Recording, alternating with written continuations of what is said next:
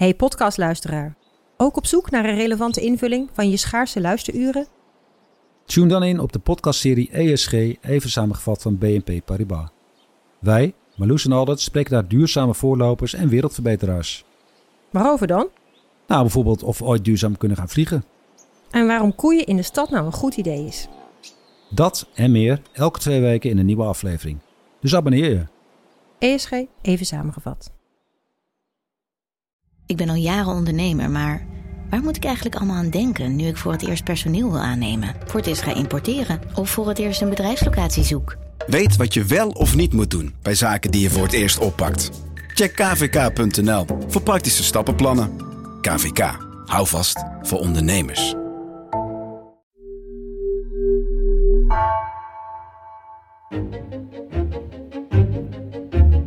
Welkom. Wij zijn Onbehaarde Apen. Dit is een zomerpodcast van NRC over het begin. In deze podcast zoeken we deze zomer naar alles wat begint. Deze week kijken we hoe het prille begin van het leven eruit ziet in de toekomst.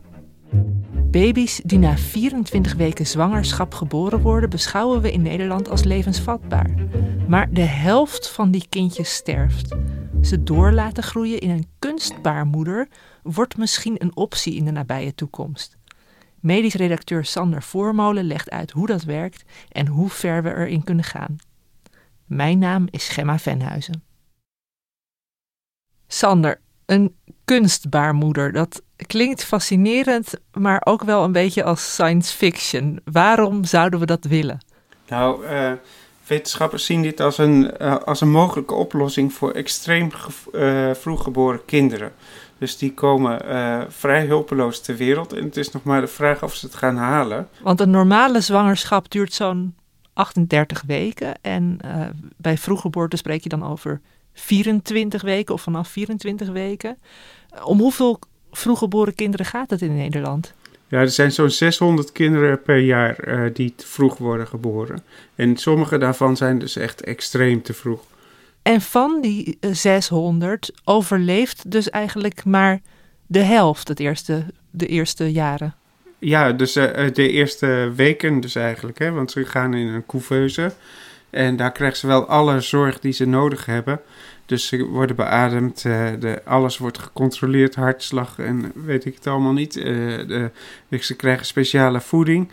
Maar uh, desondanks uh, uh, lukt het nog niet om, dat, om al die kinderen in leven te houden.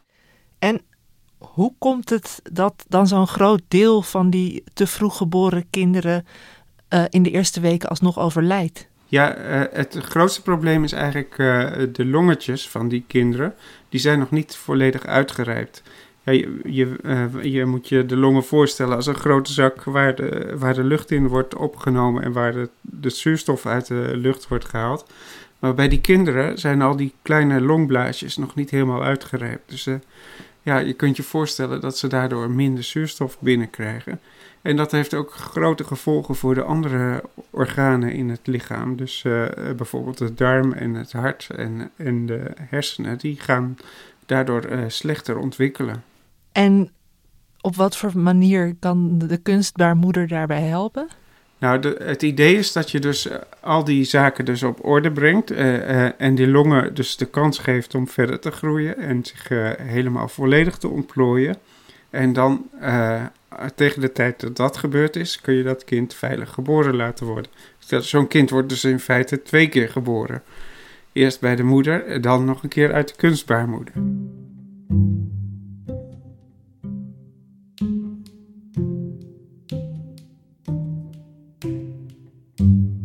En nog steeds voelt die kunstbaarmoeder een beetje abstract voor mij. Sander, kun je ons, meenemen? Ik bedoel, worden er al van die dingen ontwikkeld? Hoe zien ze eruit? Ja, het is ook een beetje abstract. Ik, ik ben op bezoek geweest in Eindhoven bij de Technische Universiteit daar. Daar werken ze aan een kunstbaarmoeder. Uh, dat is een project dat ze echt, uh, uh, waar ze echt de tijd voor gaan nemen. Want het moet natuurlijk wel allemaal in één keer goed. En dus ze zijn ook nog niet heel ver. Maar ik kon al wel wat zien. En dat was, was wel heel interessant. Ze hadden dus bijvoorbeeld modelpoppen gemaakt van die babytjes die zo vroeg worden, worden geboren. En die willen ze dus helemaal volhangen met sensoren. En, en die laten ze ook bewegen, zodat je dus precies kunt zien wat zo'n kindje doet en wat ermee gebeurt. Als, als je dus zo'n kind over gaat brengen naar een kunstbaarmoeder. Maar de kunstbaarmoeder zelf heb ik daar niet gezien. Ze zijn nu nog bezig met het ontwikkelen van de onderdelen daarvan. Het, het, het klinkt nu alsof je over uh, auto-onderdelen praat. Ja, nou ja, daar, uh, zo lijkt het inderdaad, maar, maar zo is het ook wel. Want uh, de mensen die eraan werken, dat zijn allemaal technici. En die gaan tot in de perfectie dus elk onderdeel uh, bedenken. Dus bijvoorbeeld, hoe krijg je zuurstof in het bloed van het kindje? Of uh, hoe, hoe, uh, hoe zorg je ervoor dat het kindje geboren kan worden in een zak met vruchtwater zonder dat daar zuurstof bij komt? Want zodra dat kindje in de lucht komt, dan zal het gaan ademhalen. Dus dat moeten ze allemaal voor zorgen. En ze moeten ook een bijvoorbeeld, uh, dat heb ik ook gezien in het laboratorium daar, een, uh, een koppelstuk maken. Waar ze dus de, uh, de zuurstofvoorziening koppelen aan de navelstreng. Zodat het communiceert met het bloed van het kindje. Dus het wordt eigenlijk zo natuurgetrouw mogelijk nagebootst allemaal. Dat is het idee, want ze, ze weten eigenlijk niet zo goed wat er allemaal in de baarmoeder gebeurt. Ze kennen de echobeelden je kunt een, eh, een Dopplermeting doen, zodat je de bloedsnelheid kan meten in het kindje.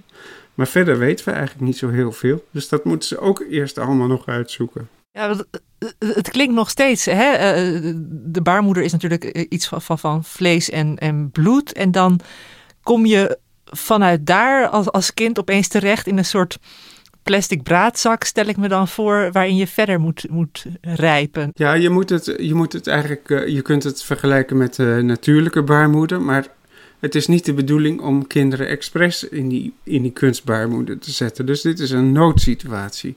Dus je kunt het beter vergelijken met de couveuses die we nu hebben. Waar, waar kinderen dus uh, die veel te vroeg geboren worden, in verzorgd worden. En ja, daar uh, zit niet zoveel vooruitgang meer in. En uh, met die kunstbaarmoeder hopen ze dus uh, inderdaad de medische zorg veel beter te maken voor deze kinderen. Wat maakt die kunstbaarmoeder dan een meer geschikte omgeving dan een couveuse? Ja, het idee is dat het kind in het vruchtwater blijft. Hè? Dus daardoor kun je ja, de groei gewoon verder laten doorgaan. Uh, zonder dat het uh, zelfstandig hoeft te ademen. En dat is uh, de belangrijkste gedachte daarachter. Ja, ja, dat is echt het vruchtwater en het kind worden tegelijkertijd opge opgevangen in die zak en dan wordt het afgesloten en dan kan het kind daar verder in groeien. Ja, het, het vruchtwater is echt essentieel voor, voor het kindje om te, om te groeien. En dat, dat houdt de longen in een goede conditie, waardoor, waardoor die zich verder kunnen ontwikkelen. En uh, als het kind zelfstandig zou moeten ademen, dat, dat zou veel te veel energie vergen van zo'n klein kindje. En dat, dat gaat uh, soms niet goed. En je kunt dan natuurlijk wel zuurstof toedienen, maar als die longen ook nog niet goed geschikt zijn om zuurstof op te nemen, dan gaat dat heel uh, moeizaam eigenlijk. Ja, dus dit is eigenlijk de, de meest geleidelijke overgang voor zo'n vroeggeboren kindje. Hè? Dat het gewoon met, met vruchtwater en al direct vanuit de baarmoeder in die kunstbaarmoeder terechtkomt en daar verder kan groeien. Ja, precies. En als ik denk aan een kind in de baarmoeder, dan denk ik ook aan alle geluiden uh, die het opvangt. Hè? Gewoon uh, trillingen ook die het via de moeder meekrijgt. Gaan ze dat ook nabootsen? Ik bedoel, gaan ze een soort speakers in de kunstbaarmoeder plaatsen? Ja, inderdaad denken ze daar wel over na. Dat, uh, dat, uh, want zo'n kindje in de, in de baarmoeder hoort normaal dus de hartslag van de moeder, het gerommel van de darmen, de geluiden van buiten noem maar op. En ja, dat is toch ook heel belangrijk voor moeder-kindband. Al, ook al is het kind nog niet geboren en niet te zien, dat, ja, dat, dat geeft een hechte band. En ja, in zo'n kunstmatige omgeving moet je dat wel in stand houden natuurlijk. Als een kind in een couveuse ligt, kun je nog een pink uitsteken en dan vouwt het handje zich erom. Maar dat kan natuurlijk niet als die in zo'n zak ligt. Nee, dus hoe gaan ze dat dan doen? Krijgt de moeder een microfoontje dat ze af en toe wat uh, tegen de baby kan, kan praten? Ja, het idee is dat, dat ze dan uh, een soort draagbare microfoon krijgt die, die de geluiden, ook als ze boodschappen doet in de supermarkt, bij wijze van spreken, doorstuurt naar het kind. En, en de ouders kunnen natuurlijk ook af en toe naar het kindje luisteren. Ik weet niet of ze dat dan uh, uh, elk moment moeten doen, want daar zouden ze ook nog zenuwachtig van kunnen worden. Van klopt het hartje wel en gaat het niet te hard of te zacht? Uh, dat soort dingen. Maar... Ja, net als jonge ouders met een babyfoon. Ja. ja. Hey, en bij mensen is het dus nog in, in, in een stadium van ontwikkeling. Maar is er al bij andere dieren onderzoek gedaan naar of het ook echt levensvatbaar is, zo'n zo'n groeiproces in een kunstbaarmoeder? Ja, in Amerika hebben ze een soort uh, cowboy-experiment gedaan. Uh, dat waren dus uh, mensen uit Philadelphia. Die hebben een, een lammetje uit de baarmoeder gehaald bij een schaap. En de laatste weken van de zwangerschap grootgebracht in een kunstbaarmoeder. En daarover hebben ze in, in 2017 gepubliceerd. En inderdaad, het lammetje is goed volgroeid uh, ter wereld gekomen en kon zelfstandig ademen na enige tijd. Dus uh, ja, het leek allemaal goed te gaan. Maar uh, ik weet niet of het bij mensen natuurlijk op dezelfde manier goed gaat. Want ja, eigenlijk kun je het risico niet nemen dat het verkeerd gaat. En dat zeiden ze in Eindhoven ook. Frans van der Vossen, de onderzoeksleider daar, die zei van... je moet het vergelijken met een bemande vlucht naar de maan alles moet kloppen en er mag echt helemaal niets fout gaan. En als er iets fout gaat, moet je zeker weten wat je kunt doen om het weer in uh, goede banen te leiden. Dus zometeen wordt de eerste kunstbaarmoeder baby misschien uh, net zo beroemd als Neil Armstrong dan. Ja, precies. Hey, en het enige waar ik dit dan een beetje mee, mee kan vergelijken, los van de couveuse dan, dan zit ik ook te denken aan mm, aan het begin van een zwangerschap, als het, als het niet allemaal zo automatisch gaat, dan gebeurt er met IVF natuurlijk ook uh, het een en ander buiten de baarmoeder. Ja. ja, in feite is IVF natuurlijk een bevruchting buiten het lichaam. Dus is het, uh, is het al een soort kunstmatige omgeving. Maar dat gaat natuurlijk om een embryo dat zich van niets bewust is. Uh, dus ja, en dan, uh, dat, is, uh, dat zijn dus de eerste paar dagen dat dat uh, buiten het lichaam is. Maar na, na maximaal vijf dagen moet je het wel terugplaatsen in de baarmoeder. Want anders gaat het embryo gewoon verloren. Nee, dus daar zitten echt nog wel duidelijke grenzen aan. Toch, als ik het zo hoor, er is steeds meer mogelijk. er wordt nu dus ook echt al serieus gewerkt aan een kunstbaarmoeder waar je dan het laatste gedeelte van de, de zwangerschap in, in kunt voltooien. Zou het ook op den duur dan mogelijk zijn om een volledige buitenbaarmoedelijke zwangerschap te creëren? Hè? Als je ook aan die voorwaarden van een soort nep placenta en zo voldoet? Nou ja, ik heb met twee mensen gesproken daarover. Uh, Frans van der Vossen, dat is dus de ingenieur in Eindhoven, die, die zegt ja. Uh, ik zie wel dat, die, uh, dat uh, begin en eind van de zwangerschap langzaam naar elkaar toe groeien. Hè? Dus van, door de alle technologische ontwikkelingen. Maar hij denkt dat dat nooit echt bij elkaar zal komen. Omdat er zulke grote onoverbruggebare verschillen zijn. En ik sprak ook met Sebastiaan Masterbroek, dat is een embryoloog in Amsterdam. En die zei van, ja, dat is allemaal leuk en aardig. Maar we hebben natuurlijk ook nog uh, regelgeving en wetgeving.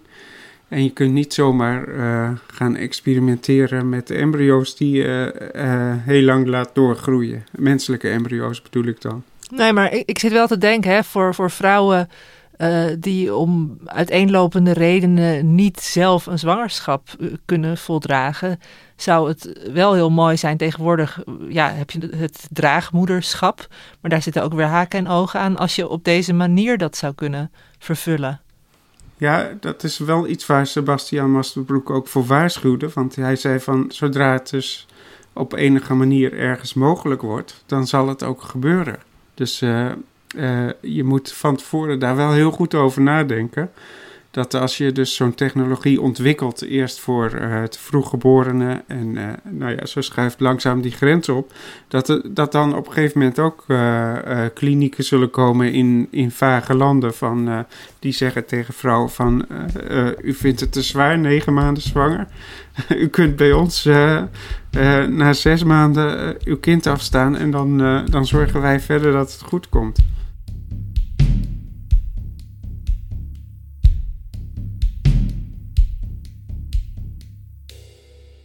Ik vind het super fascinerend, dit hele, onderwerp.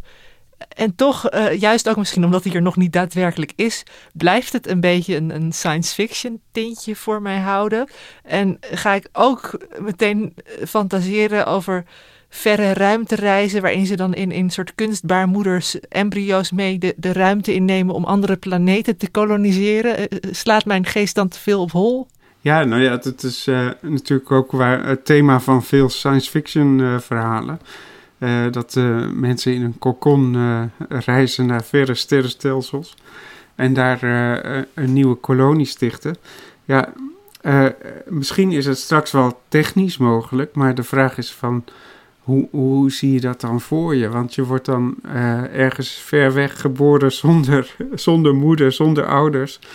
En hoe gaat dat? dat uh, het is uh, mind-boggling, vind ik zelf. Nou, dit is een, gedachte-experiment waar ik eh, graag nog eens met je over verder filosofeer, Sander. Maar nu even terug naar de realiteit. Met al dit onderzoek klinkt het alsof het, het, geven van een betere start aan, aan vroeggeboren baby's een reële optie is in de toekomst. Wanneer zou zo'n volledige kunstbaarmoeder klaar kunnen zijn? Nou, in Eindhoven vertelden ze mij dat ze, uh, ze werken samen in een Europees project hè, met de Italianen en Duitsers en, en, en allerlei andere onderzoekers. Maar uh, ze zeiden van over uh, vier jaar zijn we zover dat we een prototype hebben. En dan, ja, op dat moment is dus de vraag, wat ga je dan doen? Ga je dan bijvoorbeeld dierexperimenten doen met het prototype? Of ja, ga je het nog verder ontwikkelen en durf je het dan aan met mensenkinderen? Dus uh, dat is nog een heel traject. Dus, uh, maar ze zeiden ook daarbij van, uh, we willen niet de eerste zijn, we willen wel de beste zijn. Want ja, het moet gewoon heel zorgvuldig zijn. Ja, dus we hadden het net over die race naar de maan. Het is geen prestigeproject van wie plant als eerste zijn vlag, maar wie, wie komt daar zo veilig mogelijk, zodat we ook daadwerkelijk levens kunnen redden. Want dat is wel, we hadden het in het begin over die, die 600 vroeggeboren baby's per jaar en dat de helft daarvan overlijdt. Als je die zou kunnen redden en de rest ook een betere start kunt meegeven, dan is dat natuurlijk een groot verschil. Ja, precies. Want ook al, uh, ook al uh, laat je die kinderen dan uh, twee weken extra in de kunstbaarmoeder groeien, dan, dan hebben ze al een veel grotere kans om te overleven en minder complicaties eraan over te houden. Dus ja, ik zie wel dat het de moeite waard is om dit te proberen. Maar of het lukt is nog uiterst onzeker natuurlijk. En ja, ze zeiden ook van, ook als het niet lukt, dan, dan hebben we toch niet voor niks gedaan. Omdat je hier heel veel van leert. Ook over ongeboren kinderen en hoe die functioneren. Nou, we hopen dat deze medisch hoopvolle toekomst gauw begint. En uh, voor nu, Sander, hartelijk dank voor je mooie verhaal. Luisteraars kunnen komende zaterdag jouw verhaal ook teruglezen in de NRC Wetenschapsbijlage. Verder, uh, Jeppe van Kesteren bedankt voor de speciale zomermuziek. En Elze van Driel bedankt voor de productie. Luisteraars, bedankt dat jullie van het begin tot aan het einde met ons hebben meegeluisterd. Uh, we wensen jullie weer een fijne zomerweek toe en graag tot de volgende aflevering.